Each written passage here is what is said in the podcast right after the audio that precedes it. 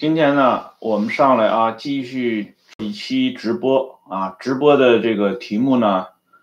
叫封建专制王朝的自救模式啊。这个为什么想起这个话题呢？这是跟这个最近啊，我这读书有点关系啊。最近我一直在啊。看第四遍啊，这个张居正和明朝中后期政局啊，这本书呢，应该是我这么多书当中呢一个比较爱不释手的啊。这个作者是韦庆元老先生啊，这个老先生呢是明史研究专家啊，他在这个呃有生之年呢。为我们贡献了好几部啊，非常值得一读，也非常值得收藏的这个有关明朝历史的这个书籍。呃，事实上呢，除了是因为看书的缘故，还是和这个目前因为休假呀，同时有时候脑子里胡思乱想的一些东西有关系啊，比如说呢。时下我们都知道，这西方社会呢也不太平啊，也不是像以前那么安静了啊。比起十多年前的啊，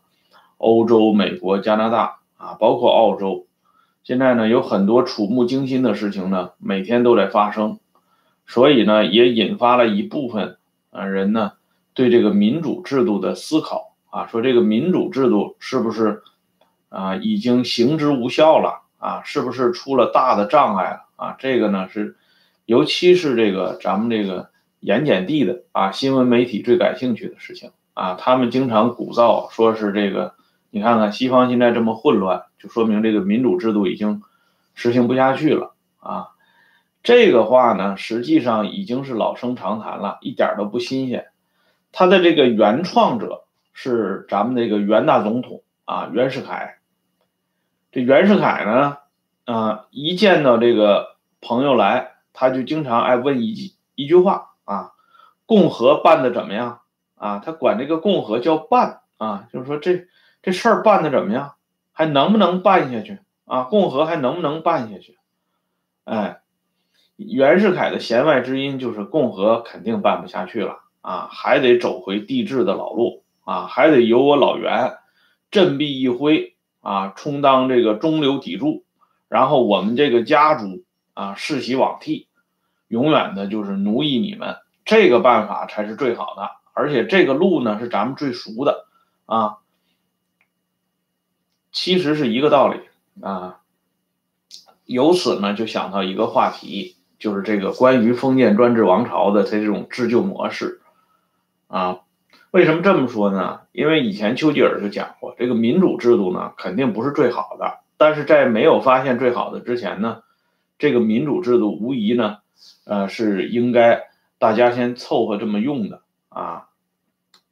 而且呢，我们都知道，你事实上包括这个，咱们就说美国吧，美国、加拿大，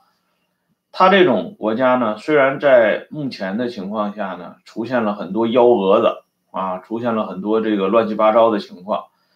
但是呢，它这种啊民主制度多少年形成的这种自我修复能力还没有完全消失，啊，它还会在一定范围内、一定程度啊上面呢，对它出现的这些缺陷进行修补。虽然这种自我修复能力呢已经被严重的削弱了，或者说被严重的降低了。但是并不等于说已经绝灭了啊，它还有这么这个一定的生命力，所以呢，它还会进行顽强的这种自我抗争，抗争到什么程度啊？最后修复到什么程度？现在看呢，还是个未知数。当然，我本人是抱着一个比较悲观的态度啊，这是我个人的看法啊，不影响大家的情绪。哎，但是呢，尽管我抱着一种比较悲观的。态度，但是我也认为，他的这种自我修复能力，至少在一定程度内、一定范围内啊，延缓他的这种衰败和衰亡啊，这是这个民主制度最大的优越性啊。毕竟呢，它能让绝大多数人呢，在现阶段啊发出自己的声音。虽然这个声音目前啊受到各种各样的压制和限制，已经很微弱了啊，但是呢，我我还可以想吧啊，我肚子里还可以赚金吧，对不对？但是在封建专制王朝里边有一项罪名，叫腐匪啊，就是腐就是这个五脏六腑的腐啊，匪就是诽谤的匪，就是你肚子里啊脑子里想反对都不行啊。直接管到你的那个脑脑子里的思想啊，这个专制首先是思想上的这个禁锢嘛，所以扶匪也是罪啊，因此呢，就由这个民主制度就想到了这个封建专制王朝，这种专制王朝呢，实际上啊，我们说这个治旧模模式啊，其实是不存在的。这是一个伪命题啊！这个治旧模式啊，说穿了啊，从中国历史上看，这个封建专制王朝的唯一的自救模式就是毁灭。只有这个王朝毁灭了，新的王朝在这个啊旧的王朝的废墟上重打鼓，另开张，这样呢？这个整个的这种大一统的模式呢，才得以继续维系下去。为什么这么讲呢？啊，这个从历史上看，啊，嗯，你像这个咱们这个大 k 说啊，说盐碱地在春秋以后只有专制，封建都没有了，啊，这种说法也成立啊。但是呢，这种封建专制这种说法，我们已经习惯了。啊，就就这么不改了啊！而且这个事情呢，如果仔细探讨起来啊，也不是一点商榷余地没有啊。你说封建都没了，我觉得可能还有点绝对啊，不是一点都没有了，还是有的啊。你比如说他的这个，事实上到了清朝，这个农村啊，他的这个士绅阶层还保存着啊。虽然是非常微弱了啊，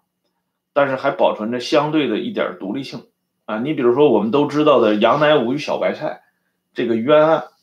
这个杨乃武这个人他是举人啊，他在浙江余杭，他呢就跟这个余杭县的知县刘锡同两个人就不对付啊，所以这个杨乃武写过一个很有名的对联儿啊：“大清双王法，浙江两府台啊，讥讽这个余杭县。”知县刘锡同，这个徇私枉法啊！这大清本来只能有一套王法，可是到了余杭县呢，他自己又有一套这个主张。大清朝浙江只能有一个巡抚，可是在余杭县呢，又多出个巡抚啊，叫刘锡同。他搞的那个东西跟省里搞的那个东西那是拧巴着的啊！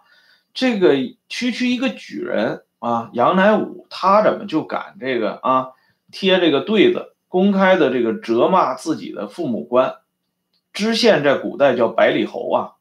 有人讲过那是灭门知县啊。这个知县的权力是很大的，你放在今天也不得了啊。县委书记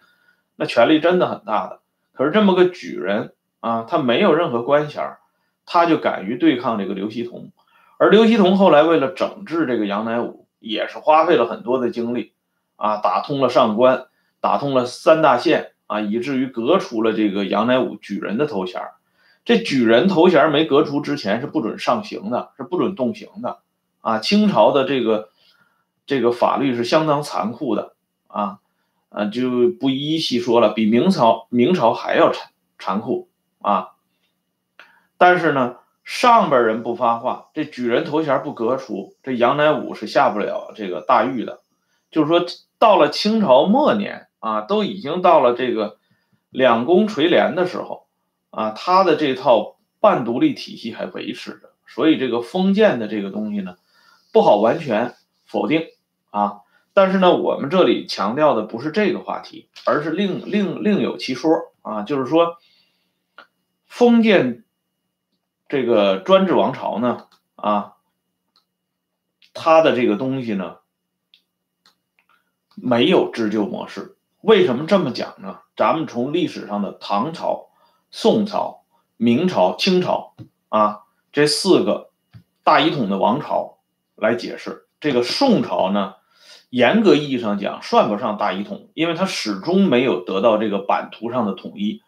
但是呢，有一点不容忽视：两宋三百余年的天下啊，它实际上呢，在它的文盖文化覆盖上啊，已经基本上完成了统一啊。你包括后来北方的女真人啊、契丹人，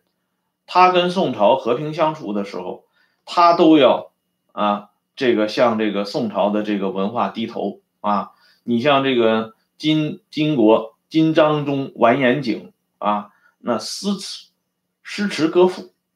都不得了啊啊！还有辛弃疾的那个师弟啊，党大爷，那也是金国非常有名的著名的文学家呀啊！所以呢，就是说，以唐宋明清四个王朝啊为例，就是说他们的这个治旧模式也只能有一个，就是毁灭啊！你比如说，咱们说唐朝。唐朝安史之乱以后，困扰这个王朝最大的就是两条。我们上初中的时候学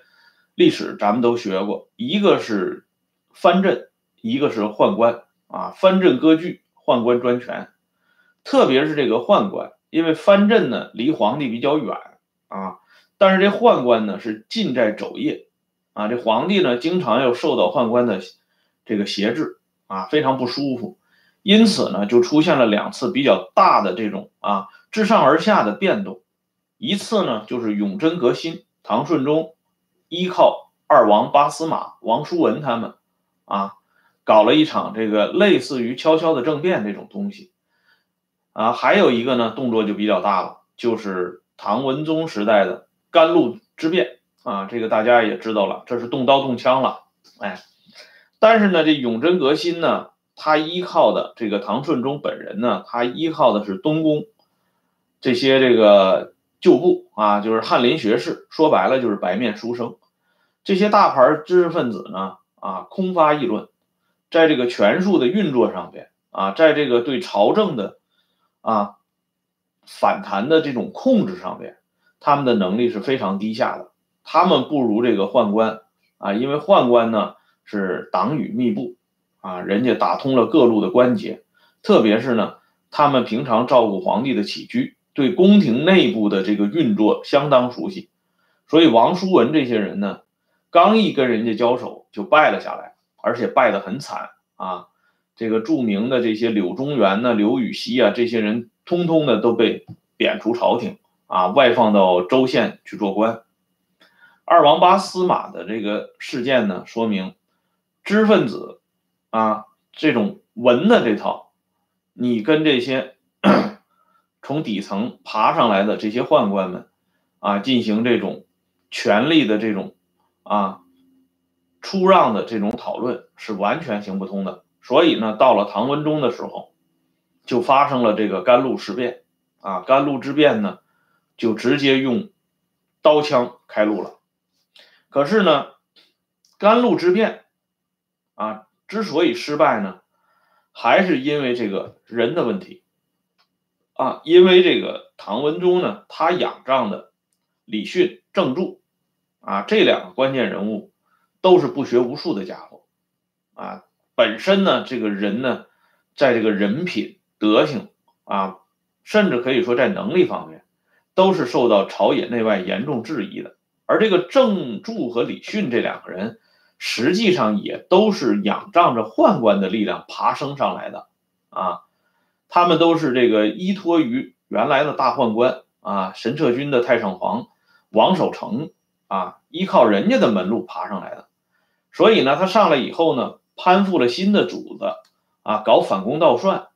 这一点呢，在旧道德当中被认为这是啊背主求荣，本身呢就已经输了一招了。再加上这个李训和郑注这两个人在搞政变的过程当中呢，还不协调啊，各怀心腹事，各怀鬼胎，所以这场政变再加上这个窝囊废韩约啊，这韩约之所以窝囊，因为说到底，他本人虽然官到金吾将军，可是韩约他毕竟是知识分子出身啊，他不是贺龙那些人啊，两把菜刀起家，没有砍瓜切菜的那种本事，所以当他面对裘世良啊这种重量级的啊大宦官的时候，他腿当然要发抖了啊，所以这个甘露之变的失败呢，很大程度上讲也是必然的。而这个唐朝呢，经历了甘露之变以后呢，皇帝实际上是彻头彻尾的成了宦官手中的这个把玩之物。除了唐玄宗本人啊，他在执政期间利用这个外廷，就是宰相的力量，对宦官进行了一定程度上的制约以外，剩下的这些啊，唐文宗之后的这些皇帝，都是乖乖的啊，服从这个宦官的指令。你像这个唐末的大宦官田令孜啊，那权力就是更更加不得了了。哎，即便是唐武宗在李德裕的支持下，他对这个风烛残年的啊大宦官裘世良呢，实际上也没有办法做到啊杀之而后快，因为他的这个宦官的力量已经是根深叶茂了。所以说呢，这个唐朝的这两大毒瘤。啊，宦官和藩藩镇，最后的结果呢，就是以毒攻毒。啊，这个唐朝自己引狼入室，把这个朱温呢，这个引了进来。啊，这朱温本身是藩镇的首领，同时呢又是农民起义的哥们儿。啊，这个家伙呢是典型的啊江湖大流氓，所以他敢用大开杀戒的这种办法，最终铲除了宦官。啊，他和崔胤两个人进行勾连，可是朱温一股独大之后呢，唐王朝的丧钟也由这个朱温亲自敲响了。啊，就是说这个王朝除掉了宦官的同时，把自己也给弄死了。就是说，封建专制社会，它根本就不具备自我修复能力，结果呢，就是玉石俱焚，啊，一块玩玩玩完。啊，所以呢，这种唐朝的这种啊情况呢，我们已经看到了。到了宋朝以后呢，这宋朝也有两次啊，这个自救。你比如说范仲淹的啊庆历这个改革也好啊，维新也好啊，庆历新政啊，著名的这个呃一家哭，这个何如一道苦。啊，一路苦，这个他和富弼之间的这一个争论啊，还有一个就是我们都知道的王安石变法啊，这两场这个动作呢，事实证明都完蛋了啊，尤其是这个王安石变法，给北宋的覆灭呢埋下了直接的祸根。我们在小学的时候啊，包括在中学接受的这种传统的啊洗脑教育。是被告知王安石是一个杰出的改革家，啊，这个人呢很有本事，他呢啊只是因为壮志未酬，正是由于他的壮志未酬，所以呢明月何时照我还就成了一个千古之谜了，啊，回不去了，回不到这个盛宋朝的这个强盛的时期了，但是呢考诸历史啊。最早王安石这个给我的这个不好的印象是，呃，来自于这个蔡东藩的这个历史这小说啊，《宋史演义》。因为那时候小啊，正史看不了，只能看这种啊带有点正史性质的演义小说。蔡东藩的这个《宋史演义》呢，还属于完全照着正史扒下来的啊，只不过是这个语言相对口语化一些，也比较好看。在这个《宋史演义》里面呢，王安石就是被描绘成是一个奸贼啊，所以那时候呢，觉得跟这个教科书里讲的是完全抵触的，觉得很奇怪。等到后来这个人长大以后啊，看的书多了，这发现呢，王安石这个人实际上啊是一个祸害啊，某种意义上讲是个祸害。哦，这个人呢，他搞的所谓王安石变法，跟当年王莽推行的这个新政，其实是异曲同工啊，玩的还是大一统的这套东西啊。当年啊，这个司马光、司马温公就反对王安石搞这套东西，认为你搞的这个东西就是与民争利啊，把这个民众当中相对比较富裕的，像我们今天所说的中产阶层，把他们的利润剥夺了。收归给中央来管辖。王安石假设的前提是，这个中央一定是公正的，啊，中央政府一定是公正的。他知道啊，谁缺东少西啊，谁啊这个衣食不济啊，这样呢，我就会公平的把我收回的这套利润呢滋补给这些人。可是这种假设根本是扯淡啊。根本是站不住脚的，因为对老百姓危害最大的，首先就是你这个宋朝的中央政府啊，你是最可怕的这个啊魔鬼，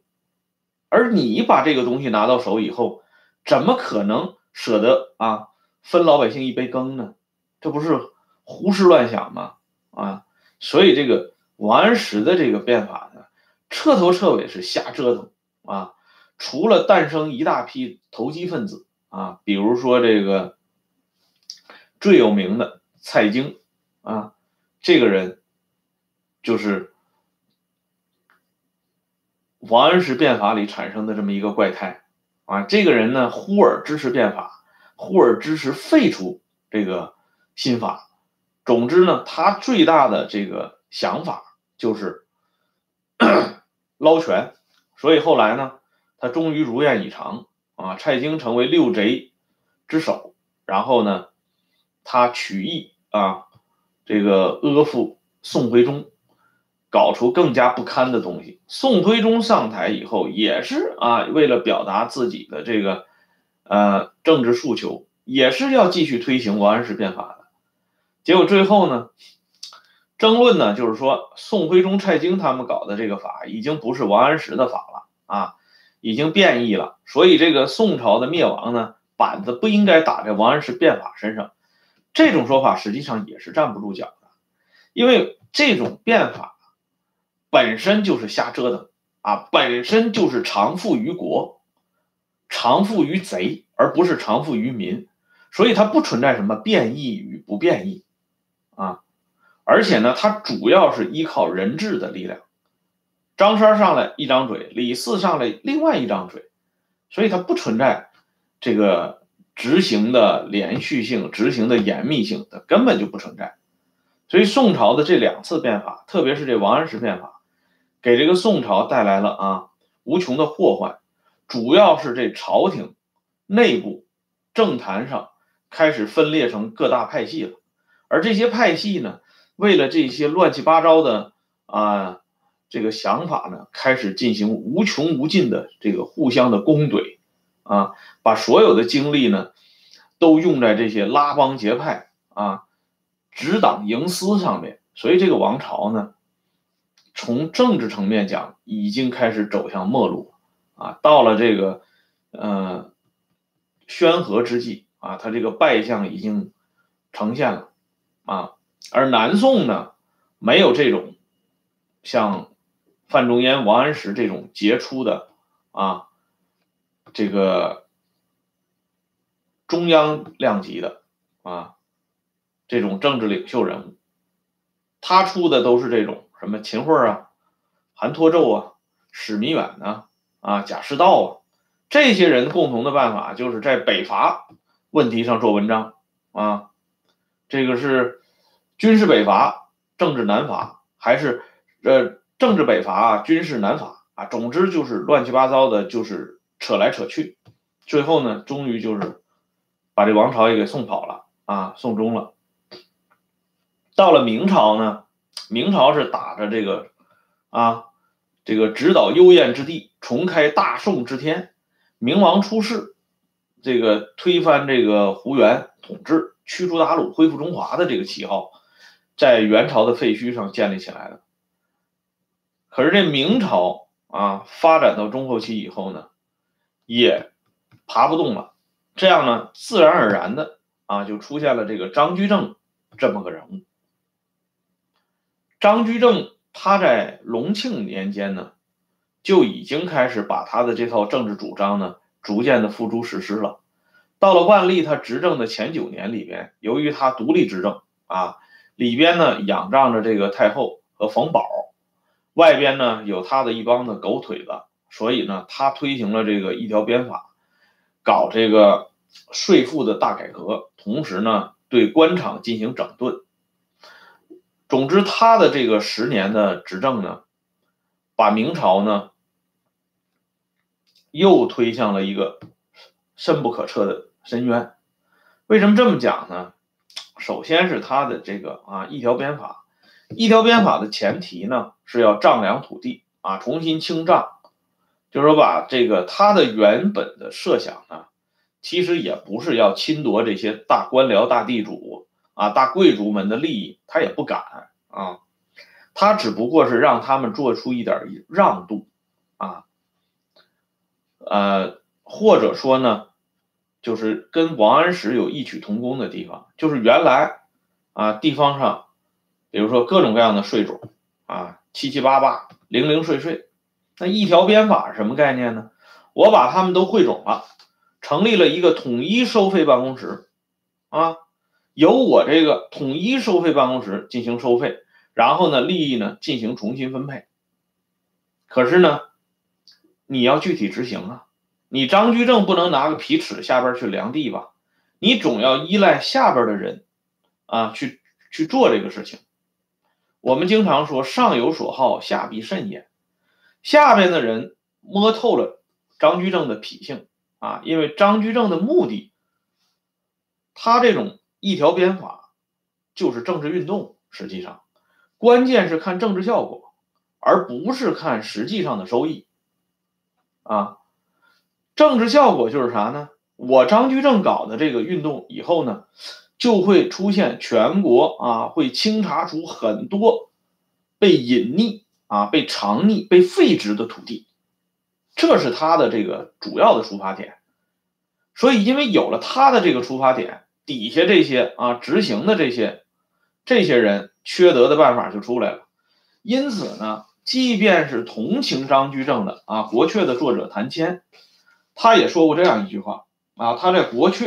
卷卷七万历九年十二月，谭谦有这么一个评价：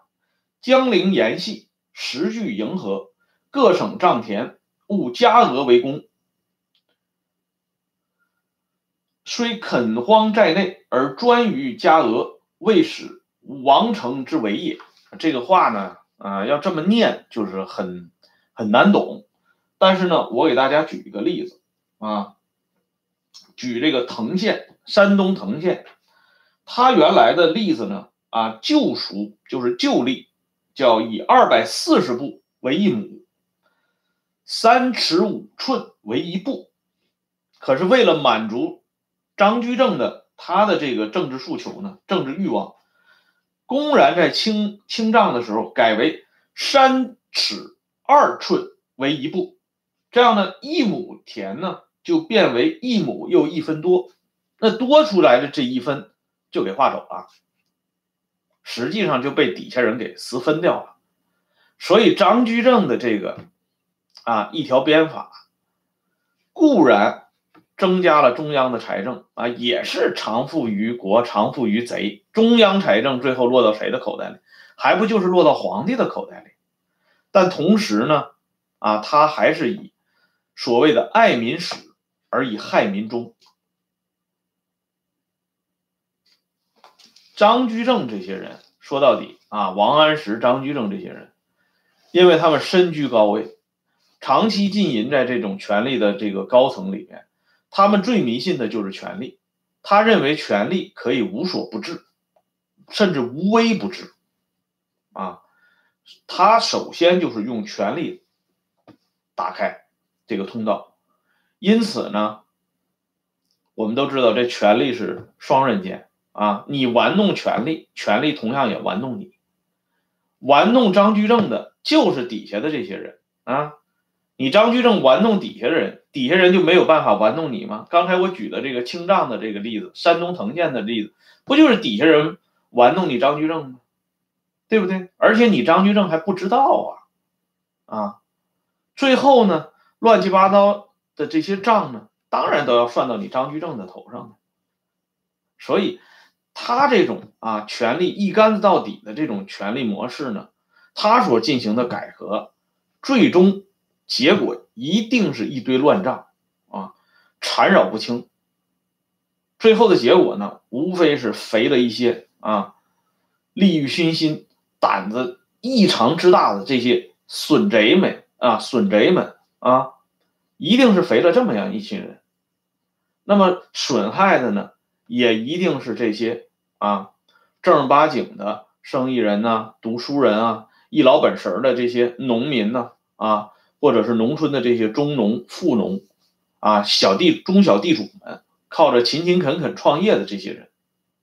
就是这么个结果。说白了呢，还是把中产阶层打倒，然后呢，这个填充中央的这个财政。事实证明呢。张居正的十年改革，啊，给明朝带来了起色，而带来起色的重要的这个后果之一呢，或者说重要后果吧，就别之一了啊，就是这万历皇帝，他可以从万历十年张居正死了以后，长达三十五年不上朝，啊，这个人呢独立执政三十八年，这三十八年当中有三十五年是不上朝的。啊，底下的大臣公开就讲，这皇帝是酒色财气啊，是五毒俱全啊，啊，而且正是由这个万历开始，明朝的边疆开始不安静了啊，这个女真人崛起了啊，所以这个清朝人修明朝史的时候，就公然敢说明朝非亡于崇祯，而实亡于万历，这是人家的经验之谈呐，啊，说的也是很到位的。所以你看看，张居正的这个改革玩了这么长时间，他的结果是把自己玩进去了。张居正死了以后，他一家很惨呐，长子自杀，次子充军啊，家属被人搞的是七零八落，很惨的。而大明朝呢，啊，也是在他这一腔报国之情下，开始走入了一个非常混沌的这个情况，嗯。他整饬吏治不假，可是张居正整饬吏治的另一面，私心致用啊啊！他的私心致用体现在什么呢？他的长子张敬修啊，在会试落地的时候，张居正非常不高兴啊，因此决定在该年啊甲戌科不选不选这个庶吉士，因为他儿子没上去啊，他就不选这个庶吉士。到了万历五年。啊，长子张敬修，次子张四修啊，同时中了丁丑科的进士。这个老二张四修呢，居然名列一甲第二名，俗称榜眼。到了万历八年，他的三儿子张茂修高中一甲第一名，这就是状元了啊！你们这一家啊，连续出状元榜眼，这玩意儿不不不神奇吗？啊，所以当时人家就说啊，这个时外论及极，为楚谢元必居正子，啊，会居正卒不果。这句话是什么呢？说万历十年的乡试呢，这个乡试第一名叫谢元。比如说咱们都知道唐寅、唐伯虎，人家称他为谢元公，啊，就是乡试第一名。说万历十年的这个乡试本来就是应该是人家张居正的儿子的，只是说张居正在这一年突然死了。啊，所以这个事儿呢就泡汤了。所以当时有人作诗啊，叫什么呢？说是状元榜眼竟姓张啊，岂是文星照楚乡？若是相公身不死啊，五官必是探花郎啊。说人家老五啊，不光要中谢元，还要中探花，因为人家有人们家已经出现了状元榜眼，就差探花了啊。所以这探花也是人家张家的。而且呢，张居正手下的这个不学无术的仆人尤七啊，人称七爷，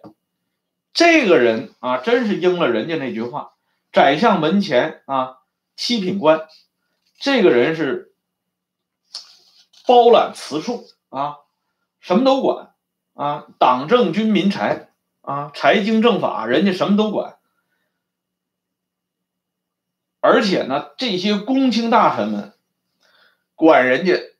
这么个油漆，叫什么呢？叫七哥啊，多亲呢啊！有些不是公卿这一级别的，你你你不敢叫七哥了啊，就叫楚斌先生啊。这油漆呢，这个有个外号啊，叫楚斌啊，称之为楚斌先生。就说张居正呢，他在搞这个政治改革、刷新政坛的时候，他家里。啊，他门下同样是乌烟瘴气，己不正焉能正人呢？对不对？你自己都行身不正，你怎么能要求下边的官员啊一身正气、两袖清风呢？而且最后抄家张居正啊，虽然给张居正扣了很多屎盆子，说张居正捞了多少多少钱啊，这个张居正呢，实际上没有那么多钱啊，很多就是以这个反反腐的名义。糟践这个张居正，搞政治报复，但即便是这样，张居正最后家产啊超出的这十几万两白银啊，说实话，与他的实际收入也是严重不符。用今天的话说，巨额财产来路不明，一点不冤枉张居正啊。同样是捞，只不过张居正捞的啊相对比较少一点，比较体面一点，因为他毕竟是位居高层。一人之下，万万人之上的这么一个人物，啊，但是并不能说他不贪污。所以说，这种王朝啊，一个中党的贪污犯啊，去修正那些大贪污犯啊，一个中党的卖官鬻爵啊，提拔自己的儿子家奴的这么一个人，去要求广大的干部群众啊，心无旁骛，一心为国。你说这不是荒唐滑稽吗？他怎么可能不失败呢？啊，我不愿意老提这个辩证唯物法里边的必然性，但是这个里边你说是不是他有他他一定是有这么个必然性呢？你是站不住脚的。而且张居正的这个所谓的改革呢，严重的激化了统治阶级上层的矛盾，因为你们家一股独大呀，啊，那别人家这分的蛋糕就少了。那人家当然就不高兴了，那自然就要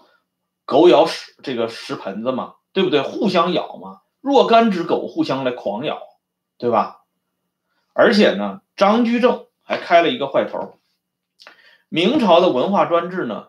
实际上早就有，从这个明太祖、明成祖开始就已经有，但是这两个皇帝呢比较强势，他们死了以后呢，后来呢。这个传位到后边的皇帝，这个文化专制的特特点就不再那么突出。可是到了张居正秉政的时候，他严厉打击啊罗呃这个罗汝芳、何新隐啊管之道这些意见分子，再次把这个专制啊文化专制高高记起啊，搞得这个啊这个国家呢是鸦雀无声啊，陈玉璧。他的这个书里边说，张居正秉政以后，好以己意见折望天下，欲令打成一片，不计一同啊，打成一片就是清一色嘛，对吧？实际上呢，何新隐、管之道啊，包括罗汝芳他们呢，也不是什么好鸟啊，嗯，他们呢啊，实际上是就是赵本山演的那小品，卖拐的那帮人啊，忽悠这些底层穷人。把他们忽悠瘸了，然后呢，他们好做若干副拐卖给他。他的这个拐呢，就是他炮制的这些学说。这些人呢，固然一方面蔑视权势、蔑视官府，因为他们呢没有成为啊体制中人，所以呢，他对这种权势有一种天生的这种逆反心理、反感。可是呢，他们同样热衷于啊广收门徒，做这个。政治上的意见领袖啊，就所谓我们经常所说的这个树王啊啊，这个孔子不是树王吗？啊，因为皇帝是荤的啊，这孔子就是素的啊，荤素搭配嘛。哎，这个何新隐他们呢，就是要干这个，但是呢啊。我们都知道，连邓小平这样的人他都承认，这个国家最麻烦的是鸦雀无声。你七嘴八舌的时候呢，可能还没事儿啊，因为大家呢不见得是要推翻你这个王朝，不见得是要打倒你这个皇帝啊。中国人哪有希望打倒皇帝的啊？无非是就算是希望打倒皇帝，也是自己想做皇帝，对吧？他对皇帝本身并不痛恨，他只是痛恨做皇帝的那个人不是他而已啊，不是他们家亲戚而已。啊，他没有打倒皇帝的这个愿望，他只不过是说发点牢骚啊，表达一下自己对这个社会的不满。何新隐他们呢，实际上是给这些人搭个梯子啊，就是开通一个渠道，你们哇啦哇啦就讲吧啊，你们不是难受吗？就说呗啊，完我这给你们汇总，我这出本书啊，大伙儿一起聊聊，就是这么个意思。但是张居正认为不行啊。你们这些东西干扰了我的这个思路啊，就必须弄死。那何新隐呢，在张居正上台之前，他就预言了，说张居正这个人要执政，首先杀的就是他何新隐。所以我们现在就看到啊，这个我们都知道啊，这湖北有个作家老熊熊昭正啊，还得了奖了啊，茅盾文学奖，写过一个这个张居正的小说，后来搬上了屏幕，叫《万历首辅张居正》。唐国强啊，又气宇轩昂的演上了张居正，这个这个电视剧彻头彻尾就是跪舔啊，把这个张居正描述的简直是不得了了啊！以前朱敦润呃朱东润老先生也写过一本张居正大传啊，很多人呢奉之为圭臬，说这书写的好啊，朴实朴素，把这张居正写的很真实。其实啊，这个一个人呢。啊，这个写书作者的情绪是一定要考虑进去的。就《张居正大传》这个作者啊，《张居正传》的作者朱东润本身来讲，他老伴儿在文革当中被迫害致死，选择了自杀。朱东润啊，晚年风烛残年之际啊，啊，颤颤巍巍用手啊填写了入党申请书，可见。这也是一个奴在心者的人，这样的人来歌颂张居正，这是非常搭配的啊，标配。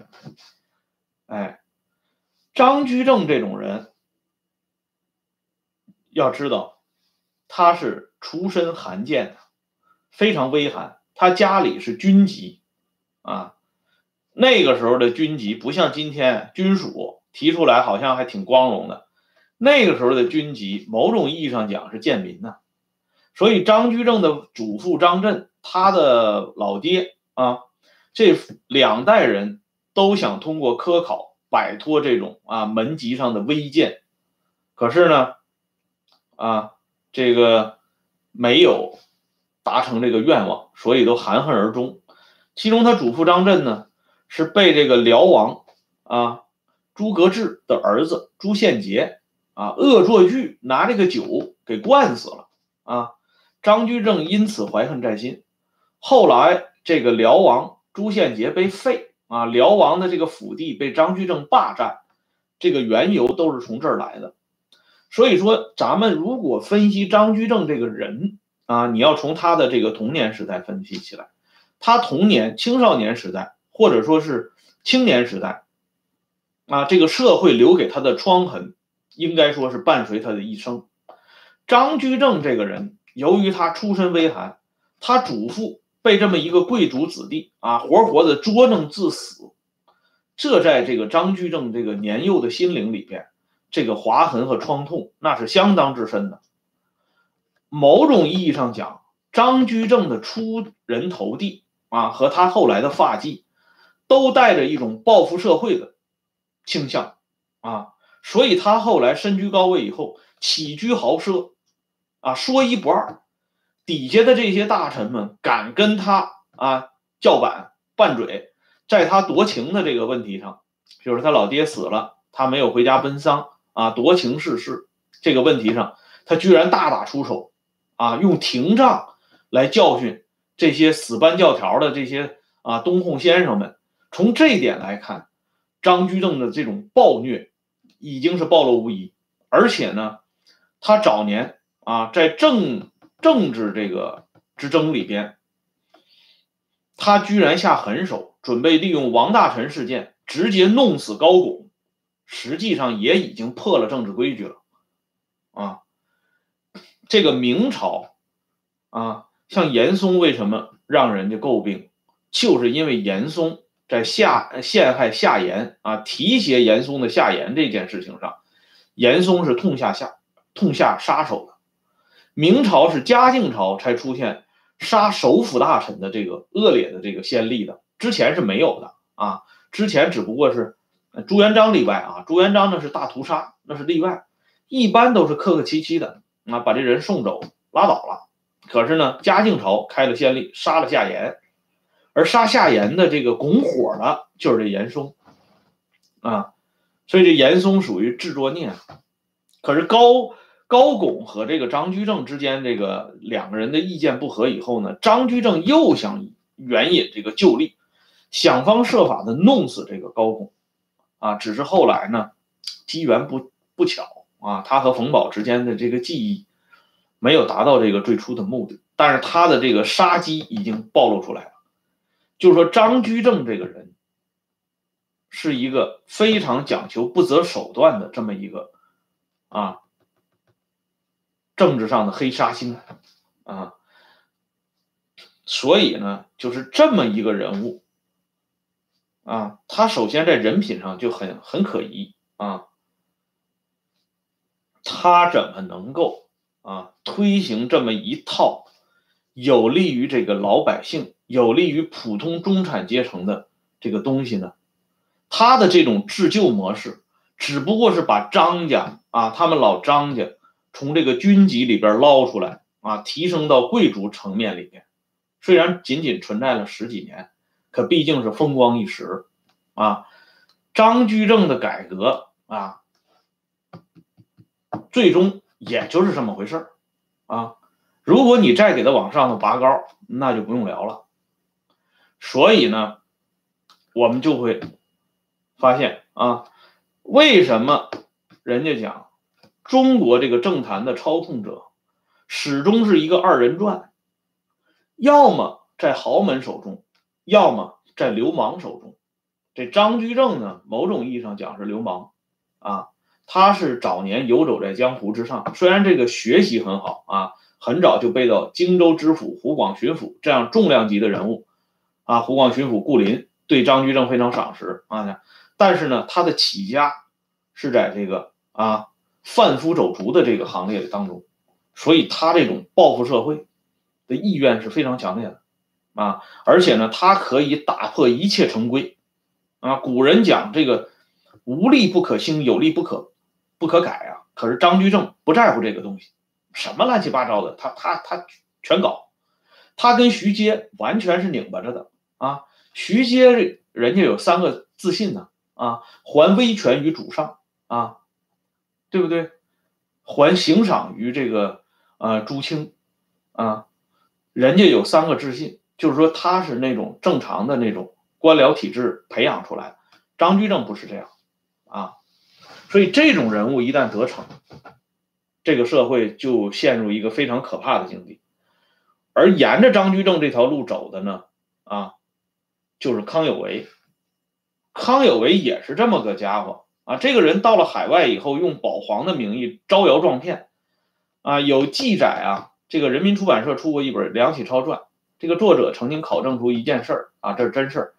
康有为贪污了海外捐款六十万两银子，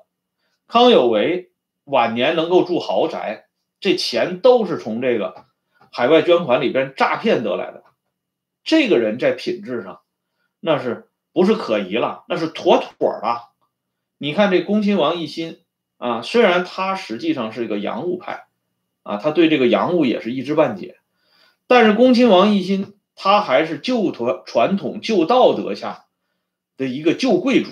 什么叫贵族啊？三代出个贵族啊！这个贵族啊，大家以前藐视，说历史不是奴隶创造的吗？贵族一边去。其实你不要看这个小看这个贵族，包括这个封建王朝的贵族。提笼架鸟不假啊，飞禽走兽啊，鲜衣怒马这都不假啊，爱吃点喝点玩点这都没问题。但是这个贵族他多多少少是有点底线的因为他有些东西呢，他是很早就见过，很早他就拥有了，他不屑于用下三滥的手段去跟你去抢去，在泥沟里啊，在泥里去这个淘金，他不屑于干这个事情，这就是底线了啊！你不能要求咱们这个盐碱地底线太高，他不可能的事儿啊！他已经这就算不错的了，但是游走江湖的这些大小流氓们，这个不一样啊。他们可不在乎啊，因为他不嫌瘦啊，对吧？哎，那麻雀身上他都能刮下来三两肉，何况这沙里淘金呢？那是主业呀。所以康有为这些人如果得得逞了，中国不会像啊什么这个什么日本那样啊出现什么明治维新的那种局面。当然，历史是不能假设的，历史尽管没有假设，可是康有为亡命海外之后的啊。他干的这些劣迹，啊，劣迹斑斑呢，这是考证出来的，啊，撒下弥天大谎，说携带着什么啊衣带诏，这根本是扯淡，用这个衣带诏，这又是个卖拐的，啊，又是把海外这帮人忽悠瘸了，捞了几十万两甚至上百万两白银，然后呢，猫哭耗子跑到菜市口那儿凭吊了一下那六君子，啊，说，啊，哥哥我回来了。啊，看看兄弟你们，你们太不容易了，先走了，那没办法，哥哥我现在有钱了啊，给你们上一炷香啊，摆两块冷猪肉吧，也就是这个啊，南海康圣人不过尔尔啊啊，晚年又奔走于这个大小军阀门下，包括他的这好学生梁启超啊，甘当段祺瑞儿子段段宏业的走狗。但是呢，人家拿他也不当回事儿，最后晚年醒悟了，到清华啊去教书去了。嗯，这还是梁启超比这康有为能强一点，因为他教书呢，毕竟啊这个培养了一批人才，甚至像毛泽东他们这些人对梁启超也都是肃然起敬的。这话题就不扯那么远了，就是说清朝的戊戌维新，最终也是。